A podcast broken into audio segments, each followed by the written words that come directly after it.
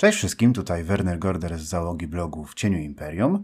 Dziś chciałem zaprosić Was na spotkanie z mapą, ale nie tą, którą można wygrać akurat w tym miesiącu u nas w konkursie dla patronów, ale o tym, w jaki sposób zmieniał się ogląd świata dla mieszkańców świata Warhammera i o tym, jak te granice znanego im świata się w czasie rozszerzały.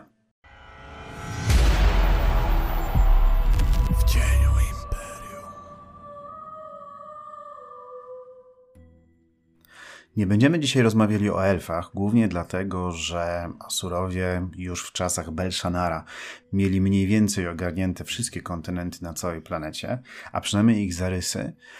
A te rzeczy, których jeszcze nie mieli, to temat na osobne dyskusje. Natomiast wydaje mi się, że spojrzenie na to z perspektywy ludzi jest dużo ciekawsze, bo dla mieszkańców Starego Świata poznawanie tych dalekich lądów było wielkim wysiłkiem i trwało dość długo i nie zawsze ta wiedza na temat nowo odkrytych lądów przedostawała się do sąsiadów.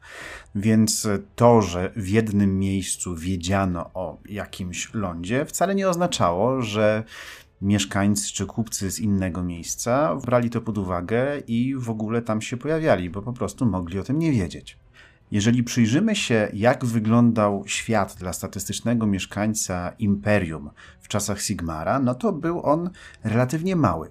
Za górami, które generalnie zamieszkiwane były przez krasnoludy, na południe mieszkali Tilańczycy z mniej lub bardziej podzielonego Imperium Remanum, na zachód dzikie plemiona, które później miały stać się Bretonią, na północny zachód byli West Jutoni i Endalowie, czyli późniejszy Jutonsryk, Marienburg, który został przez Imperium zdobyty dopiero 500 lat później. Na samą północ były Nordland, czyli kolejne królestwo, które jeszcze nie zostało włączone do Dominium Sigmara, co stało się dopiero w roku 767. W dzisiejszym Kislewie Ungolowie dopiero wypierali Norsów i podporządkowywali sobie Robsmenów. No i to w zasadzie tyle. Pierwsi aktywnie poszukiwać nowych lądów zaczęli Norsemeni, a dokładniej Bjordlingowie, czyli to plemię, które znajduje się pod najmniejszym wpływem chaosu. Oni zamieszkują południowo-zachodnią część Norski. I tu jeśli chodzi o odkrycia geograficzne, to złotymi zgłoskami zapisało się dwóch odkrywców z tego plemienia. Najpierw jednak, zanim oni w ogóle wyruszyli na swoje wyprawy, no to kontekst był taki, że Norsemeni ogólnie zaczęli najeżdżać te południowe krainy na swoich longshipach i około roku 800 kalendarza Imperium zaczęli dopływać do Tilei. Jeden z dowódców norsmeńskich, zwany Erykiem Rudym albo po prostu Erykiem Utraconym, to jest po angielsku Eric the Lost, nasłuchawszy się od schwytanych i przesłuchiwanych elfów informacji na temat krain pełnych złota, chciał wyruszyć jeszcze dalej niż do Tilei. Około roku 880 kalendarza Imperium zebrał więc swoją załogę i wyruszył na wyprawę na pokładzie Longshipa o nazwie True Flight. Wzdłuż wybrzeży Bretonii, Estalii dopłynął do Arabii, zbadał Badlands i Podobno niektórzy twierdzą, że chciał dopłynąć do Lustri. Na ile jest to prawda, nie wiadomo. Są różne historie na ten temat. Według niektórych źródeł dopłynął gdzieś do ziem południowych, do Southlands. Inni twierdzą, że mógł nawet dopłynąć do jednej z wysp znajdujących się u wybrzeży Lustri. Dla naszych rozważań jest to średnio istotne. Ważne, że wrócił do Norski i zdążył opowiedzieć o swoich przygodach. Zainspirowało to przede wszystkim jego syna imieniem Lost Erikson, który chciał popłynąć jeszcze dalej niż ojciec. Lost Erikson, jeszcze jako w miarę młody żeglarz, miał kilkukrotnie pokonać mgły Albionu i wykonać mapy tej wyspy, ale to nie z tego powodu jest znany dziś nie tylko w Norsce, ale nawet w Imperium. Jego największym osiągnięciem było to, że w roku 888 kalendarza Imperium wiosną dopłynął do przesmyku lustrijskiego Isthmus of Lustria i założył tam osadę o nazwie Skegi, pierwszą ludzką osadę na tym kontynencie.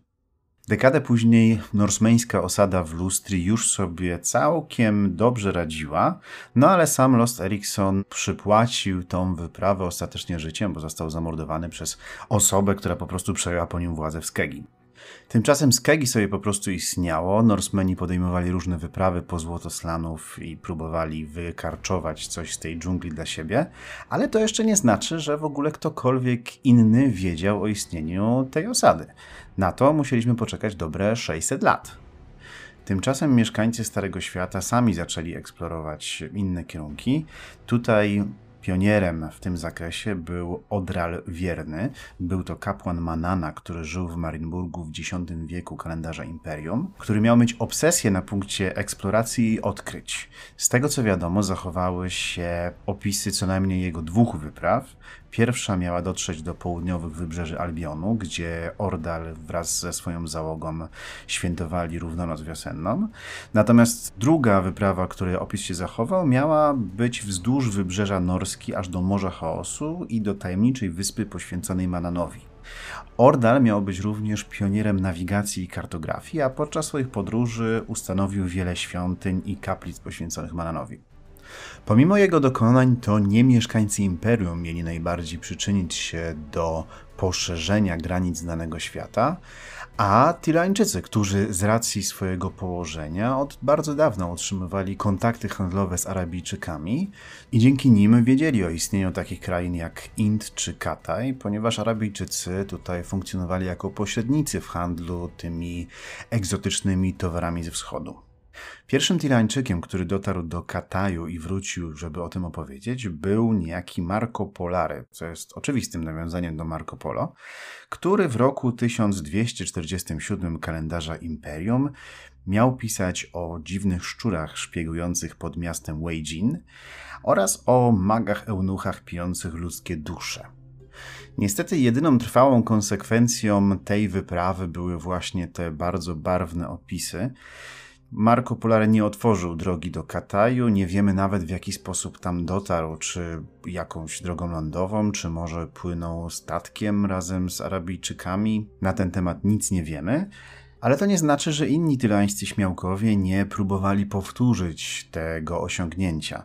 Tutaj na myśl przychodzi na przykład Luka Who Are You Going? Tak, to też jest czerstwy żart ze strony deweloperów Warhammera który miał wyruszyć z Tilei za góry krańce świata i dotarł do Smoczych Wysp. No, niestety ta wyprawa nie ma jasno sprecyzowanej daty, ale wydaje się być logiczne, że mogła nastąpić właśnie wtedy. Tymczasem nadeszła połowa XV wieku kalendarza Imperium i rozpoczęła się epoka zwana krucjatami, która trwała kilka dekad tak naprawdę która rozpoczęła się od szczytnego celu uwolnienia Estali od najazdu armii sułtana Jafara, a skończyła się na zaangażowaniu wielu żołnierzy, rycerzy, przedsiębiorców, kupców itd. Tak właśnie w, nie chcę powiedzieć plądrowanie, ale czasami taki to charakter miało, Arabii, a do Starego Świata wracało nie tylko złoto czy artefakty, ale także wszelkiego rodzaju mapy, wiedza, księgi, no i również podania dotyczące odkryć dokonanych przez arabijskich odkrywców, o czym trochę później. Możliwe, że to właśnie w tym okresie zainteresowania Arabią oraz ziemiami południowymi miała miejsce ekspedycja szczęśliwego Gino na ziemię dawnej Nhekary, no ale niestety w lore nie dysponujemy tutaj jej konkretną datą. Chociaż trzeba też uczciwie przyznać, że nie jest jakaś szczególnie wielka strata, ponieważ szczęśliwy Gino nie był znowu aż tak szczęśliwy, gdyż z tej ekspedycji nigdy nie wrócił. Mniej więcej w epoce krucjat i zainteresowania odległymi krainami do mieszkańców Starego Świata wrócił też temat lustri, o której oni słyszeli i wiele osób twierdziło, że tam było, ale nikt nie potrafił przedstawić przekonującego dowodu na coś takiego. Jednocześnie zbiegło się to w czasie ze słynnym atakiem mrocznych elfów na Remas w roku 1487 kalendarza Imperium w wyniku którego tamtejsi kupcy byli wściekli i relatywnie chętni do tego, żeby sfinansować jakąś wyprawę odwetową na mroczne elfy. Problem polegał na tym, że w tamtym czasie mieszkańcy Starego Świata nie wiedzieli, z kąt dokładnie wypływają mroczne elfy. Pytani o to Asurowie oczywiście odcinali się od swoich mrocznych kuzynów, ale nie dawali żadnych satysfakcjonujących odpowiedzi. I na tak przygotowany grunt w roku 1491 kalendarza Imperium wchodzi cały na biało kupiec z Remas imieniem Marco Colombo, który w sobie tylko znany sposób zdobył norweńską mapę wschodniego wybrzeża Lustrii ze z grubsza zaznaczoną lokalizacją Skegi. Ta mapa nie była za dokładna, a sam Colombo spekulował, czy może przypadkiem Ultuan nie jest w jakiś sposób połączony z kontynentem, na którym również znajduje się Lustria, co by tłumaczyło jednocześnie to, że wysokie elfy wojują z elfami mrocznymi oraz to, że nie chcą się jakoś szczególnie dzielić informacjami na temat ich lokalizacji. No ale innej mapy nie miał, a sam postanowił przygotować się do wyprawy lepiej niż wszyscy poprzedni śmiałkowie, no którzy z wypraw w kierunku Lustrii o której informacje się co jakiś czas pojawiały, nie wrócili. W tym celu zebrał wszelkie dostępne informacje na temat tego, czego mógł się spodziewać w Lustrii. Od Norsemenów i arabyjskich żeglarzy dowiedział się o istnieniu jaszczuroludzi. Dowiedział się też, że nie znoszą oni skawenów, dlatego postarał się o skaweńskich jeńców, których mógł później poświęcić w ramach nawiązywania dobrych stosunków z Lizardmenami, a na koniec udało mu się zdobyć patrona w postaci wygnanego księcia Trantio, który działał w służbie Remas, a który użyczył mu trzy okręty wraz z załogami. Ostatecznie trzy statki Marco Colombo, Nino, Bimbo i Pantaloga wyruszyły z Remas w roku 1492 kalendarza Imperium, kierując się na zachód w stronę Lustrii, a dokładniej w kierunku Skegi. Podróż była długa i czegoś tam nie dopatrzono po drodze, ponieważ Marco Colombo wylądował dużo bardziej na południe niż początkowo planował, w okolicach miasta Lizardmenów Tlax. Ale miał też szczęście, ponieważ jego flotylla nie została przechwycona przez wysokie elfy, które no, w najlepszym wypadku by go zawróciły, gdyby go tylko spotkały. Aby oczywiście nie dopuścić do tego, żeby mieszkańcy Starego Świata panoszyli się po lustri i psuli im interesy które można ubić na handlu towarami egzotycznymi z lustri. Tak się jednak nie stało, Marco Colombo do Lustrii dotarł, a ponadto nawiązał kontakt z lizardmenami z miasta Tlax, po części dlatego, że docenili oni prezent w postaci 33 skaweńskich jeńców, a po części dlatego, co ciekawe, że miejscowe skinki trochę znały bretoński, co by świadczyło o tym, że wcześniej ktoś z Bretonii wylądował w tej okolicy, ale no niestety nie wrócił do Starego Świata, by o tym opowiedzieć. Dzięki temu, że udało się porozumieć z ludźmi, Kolombo i jego ludzie zostali wynajęci do tego, żeby bronić miasta Tlax, wybrzeża w tej okolicy, przed zakusami Norsemenów i innych najeźdźców, którzy mogli przyjść od strony morza, za co zostali sowicie wynagrodzeni. Przy tej okazji mieli różnego rodzaju przygody, między innymi mieli możliwość na własne oczy zobaczyć, jak Lizardmeni niszczą tych samych piratów, mrocznych elfów, którzy najechali kilka lat wcześniej Ale ostatecznie po pewnym czasie Marco Colombo wrócił do Tilei. Tam zrobił karierę, po swoim mecenasie został księciem Trantio, ożenił się z jego córką, doczekał się prawnuków, spisał swoje wspomnienia, które stały się bardzo popularne oraz sfinansował co najmniej trzy kolejne wyprawy do Lustrii, z których dopiero trzecia tak naprawdę dotarła do Skegi, a wraz z jej powrotem Stary Świat dowiedział się o tym, że faktycznie w Lustrii już są jakieś ludzkie osady, co tylko zachęciło kolejnych odkrywców do tego, żeby wyruszyć na zachód i szukać swojego szczęścia w dżunglach Lustrii. Jak nie trudno się domyślić, żadnemu z nich nie udało się powtórzyć takiego sukcesu, jaki w komunikacji z Islanami odniósł podobno Marco Colombo. Nie zmienia to jednak faktu, że kolonizacja Lustrii, choć powolna z powodu magii, która otacza tamtejsze dżungle, to jednak postępuje. Zakładane są takie osady jak Port River, Swamp Town, Novolucini, Santa Margritta. Zakładane były też osady, które nie miały tyle szczęścia, żeby przetrwać, jak na przykład Kadawo, a ludzie w Lustrii mieszkają też w innych miejscach, trochę mniej spodziewanych, jak na przykład w Nowym Beschaffen na Wybrzeżu Wampirów, albo w elfickim miasteczku położonym na wyspie obok najbardziej na południe wysuniętego półwyspu w Lustrii. Tak czy inaczej, choć wyprawa Marco Colombo otwarła lustrię dla wielu, nie odpowiedziała na jedno pytanie, mianowicie skąd wypływają mroczne elfy. A z kolei ta kwestia stała się powodem wyprawy w zupełnie inną stronę, ale o tym już po przerwie. Wybory się zbliżają, więc powiem krótko. We wrześniu fizyczna mapa Warhammera drukowana przez Rare Printed Gears dla trzech patronów. W październiku darmowe autostrady na Rejku. Od listopada 1000 plus za każdego gracza na sesji. W grudniu wydajemy piątą edycję Warhammera. W styczniu przenosimy siedzibę GW do Sosnowca, a w lutym to się dopiero zacznie. Koniec życia na kolanach. Czas wyjść z podziemi i upomnieć się o swoje na Patronite w cieniu Imperium. 200 lat po tym, jak Marco Colombo dopłynął do Lustri i wrócił, dwóch braci z Verezzo, Ricco i Robio, nadal głowiło się nad kwestią tego, czy Ultuan jest wyspą, a może półwyspem w jakiś sposób połączonym z Nagarot. Bracia byli kupcami, a przyczynkiem do tych rozważań było to, że w Karasakarach kupili sztandar, bardzo wysokiej jakości, choć troszeczkę podniszczony. Wszystko wskazywało na to, że sztandar ten jest elfickiej produkcji.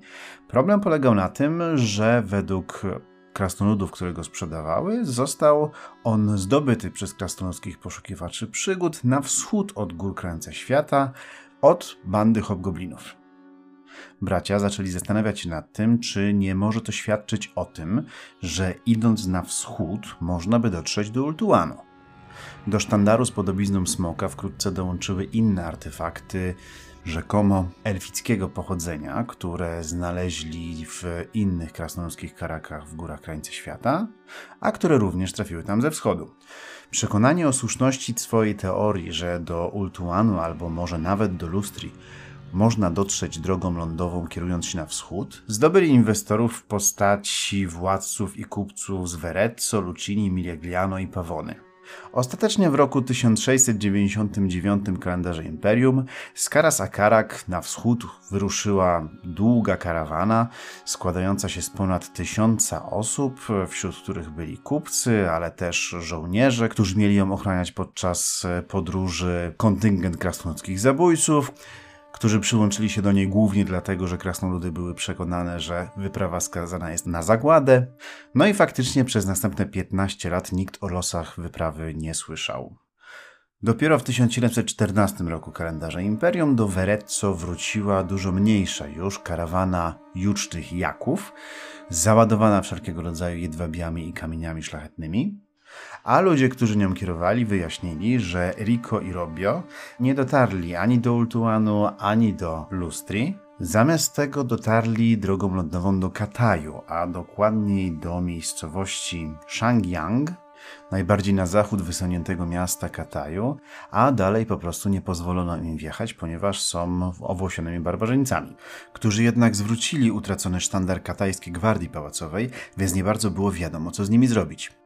Tyliańczycy byli jednak interesujący dla tamtejszych władz, w związku z czym zostali wynajęci do obrony przed hordami Hobgoblikana, dzięki czemu mogli osiedlić się w Shangyang i w ten sposób otworzyć handel lądowy pomiędzy Katajem i Tileom za pośrednictwem drogi, która później otrzymała nazwę Szlaku Jedwabnego. Co jest oczywiście kolejnym mrugnięciem oka w stronę naszej prawdziwej historii. W rezultacie do dziś co jakiś czas z księstw granicznych na wschód wyruszają uzbrojone po zęby karawany, które, jeśli Henryk pozwoli, wrócą za jakiś czas wypełnione egzotycznymi towarami ze wschodu.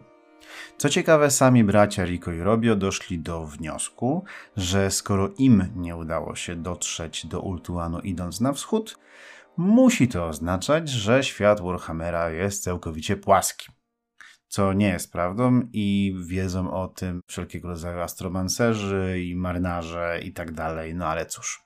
A jeśli już mówimy o statkach, no to możemy zadać sobie pytanie właściwie dlaczego by do tego Kataju nie popłynąć po prostu.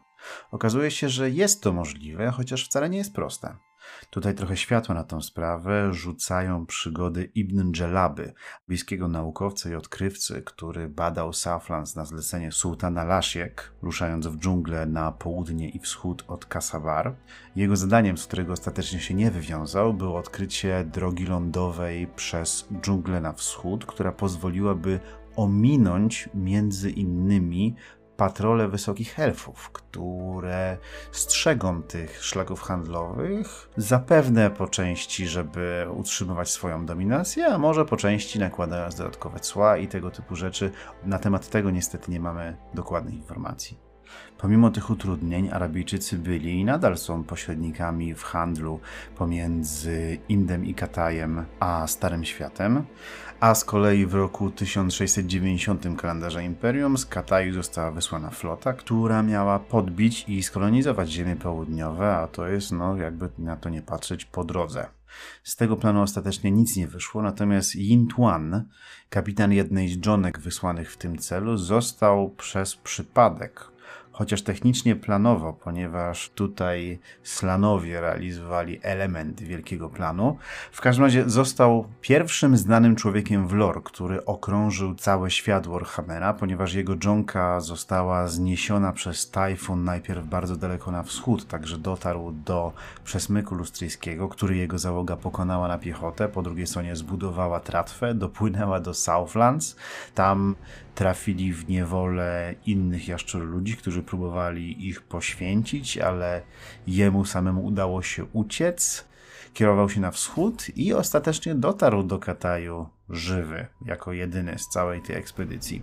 No ale to taka bardziej ciekawostka tylko, natomiast jeśli chodzi o sam szlak morski pomiędzy Starym Światem a Katajem, czy Niponem, no to nie tylko znają go Arabijczycy, czy właśnie Katajczycy, ale także kupcy z Marienburga. Tutaj mamy przykład domu Den Euwe, jednego z dziesiątki, którego głowa Karl Den Euwe ma w ogóle żonę pochodzącą z Niponu i z tego małżeństwa syna. Ich statki mają regularnie kursować pomiędzy Niponem, Katajem a Marienburgiem, więc w jakiś sposób muszą unikać tych patrolów wysokich elfów.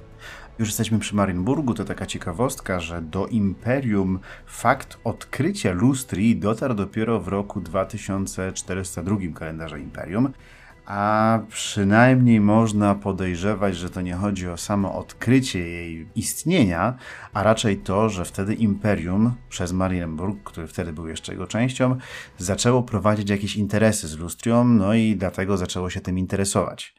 Trochę wcześniej, bo w roku 2395, imperium interesowało się już ziemiami południowymi i założyło tam kolonię z siedzibą w mieście Leopoldheim. Co ciekawe, cesarza Leopolda do wyłożenia pieniędzy na taką ekspedycję przekonały znalezione przez uczonego z Uniwersytetu w Aldorfie, Rudolfa Steinzera, stare relacje z wypraw, między innymi wspomnianego wcześniej Ibn Dżelaby czy Yintuana. Jeśli chodzi o kwestię tego, czy mieszkańcy Starego Świata ostatecznie zdają sobie sprawę z tego, że Ultuan jest oddzielony od Nagrod morzem, to nie udało mi się znaleźć jakiegoś konkretnego potwierdzenia tego faktu. Natomiast wydawać by się mogło, że w sytuacji, w której Finuber otworzył Lotern dla handlu z ludźmi, mogą się tam ludzie osiedlać, w jakiś sposób też podzielono się mapami okolicy, żeby ludzie no, po prostu wiedzieli, gdzie mają nie pływać i do jakich portów mają nie zawijać. Więc tutaj wydaje się, że ta kwestia też jest rozwiązana i tym samym zniknęła chyba ostatnia biała plama, jeśli chodzi o wybrzeża lądów planety Warhammera, która nie była znana kartografom w Starym Świecie, co nie zmienia faktu, że białe plamy w środku kontynentów cały czas istnieją i może się tam mieścić bardzo, bardzo dużo ciekawych rzeczy. Generalnie jest jeszcze co odkrywać. A jak to wszystko możemy przełożyć na nasze sesje? No, przede wszystkim samo analizowanie tego, w jaki sposób zmieniał się obraz świata mieszkańców imperium czy krain ościennych jest ciekawe ale nie tylko, ponieważ dzięki temu wiemy mniej więcej, kiedy nawiązywano kontakty z danym regionem. A takie kontakty z reguły działają w dwie strony, to znaczy coś odkryto, coś znaleziono, coś przywieziono, dzięki czemu mamy interesującą i realistyczną podkładkę do tego, żeby na naszych sesjach wprowadzać jakieś egzotyczne elementy i wiemy w jaki sposób je osadzić. Możemy wprowadzić, nie wiem, jakieś właśnie artefakty przywiezione przez mniej znanych odkrywców, o których tutaj lore milczy, ale możemy ich sobie na potrzeby naszych sesji własnych wymyślić. Ale te kontakty zaowocowały nie tylko przywiezieniem poszczególnych towarów czy artefaktów, ale również tym, że tak samo jak odkrywcy ze Starego Świata pojawili się w najdalszych zakątkach globu, tak też obcokrajowcy z tamtych regionów pojawili się w Starym Świecie, ponieważ jeżeli już nawiązywane są kontakty handlowe, no to potrzeba jakichś przedstawicieli, osób, które dopilnują tego, żeby interesy były prowadzone tak, jak powinny być prowadzone. A te kontakty nie zostały nawiązane wczoraj, tylko mają dość długie tradycje. Stąd w dużych miastach imperium często znajdują się całe dzielnice, dajmy na to tileańskie, a jeśli by szukać jeszcze dalej, to Marienburg jest tutaj świetnym przykładem kosmopolitycznego miasta, w którym znajdują się również dzielnice katajska, nipońska, kislewska, arabijska, w związku z czym te kultury w tych dużych miastach mogą się spokojnie przenikać, a mieszkańcy, dajmy na to takiej katajskiej dzielnicy, może i zachowują po części swoją kulturę, ale są mieszkańcami danego miasta już w trzecim pokoleniu, w związku z czym tak naprawdę mogli nigdy nie widzieć Kataju, a znać go tylko z opowieści swoich przodków. To działa też zresztą w drugą stronę, bo w takich egzotycznych miejscach jak w arabijskim Kopfer, wspomnianym wcześniej Sangyang w Kataju, czy wielkim katajskim porcie Fuchang, funkcjonują też całe dzielnice przeznaczone dla obcokrajowców i ci ludzie tam też żyją i też mogą spędzić całe życie pracując w danej faktorii handlowej, otoczeni całkowicie obcą kulturą. Ludzie są też ludźmi pod każdą szerokością geograficzną, w związku z czym naturalnym jest, że z czasem pojawiały się w takich miejscach również dzieci z mieszanych związków, w związku z czym mamy tutaj gotowy rezerwuar postaci. Nie jest ich jakoś szczególnie dużo, ale one tam cały czas są, które funkcjonują niejako pomiędzy światami i które można w ciekawy sposób wykorzystać na sesji, można takimi postaciami grać, co może być bardzo interesującym wyzwaniem, zwłaszcza w świecie Warhammera, który no nie jest wolny od wszelkiego rodzaju uprzedzeń, szczególnie wobec obcych czy osób wyglądających inaczej. Tym optymistycznym akcentem zmierzać będę do końca dzisiejszego odcinka. Podziękowania dla wszystkich patronów, dzięki którym odcinek miał okazję się pojawić. Jeżeli chcielibyście do nich dołączyć, to wszelkie informacje znajdują się w opisie. Zapraszam Was też na naszego Discorda, na którym możemy podyskutować sobie na ten oraz na wszelkie inne tematy. A ja się z Wami żegnam i do usłyszenia już w przyszłym tygodniu.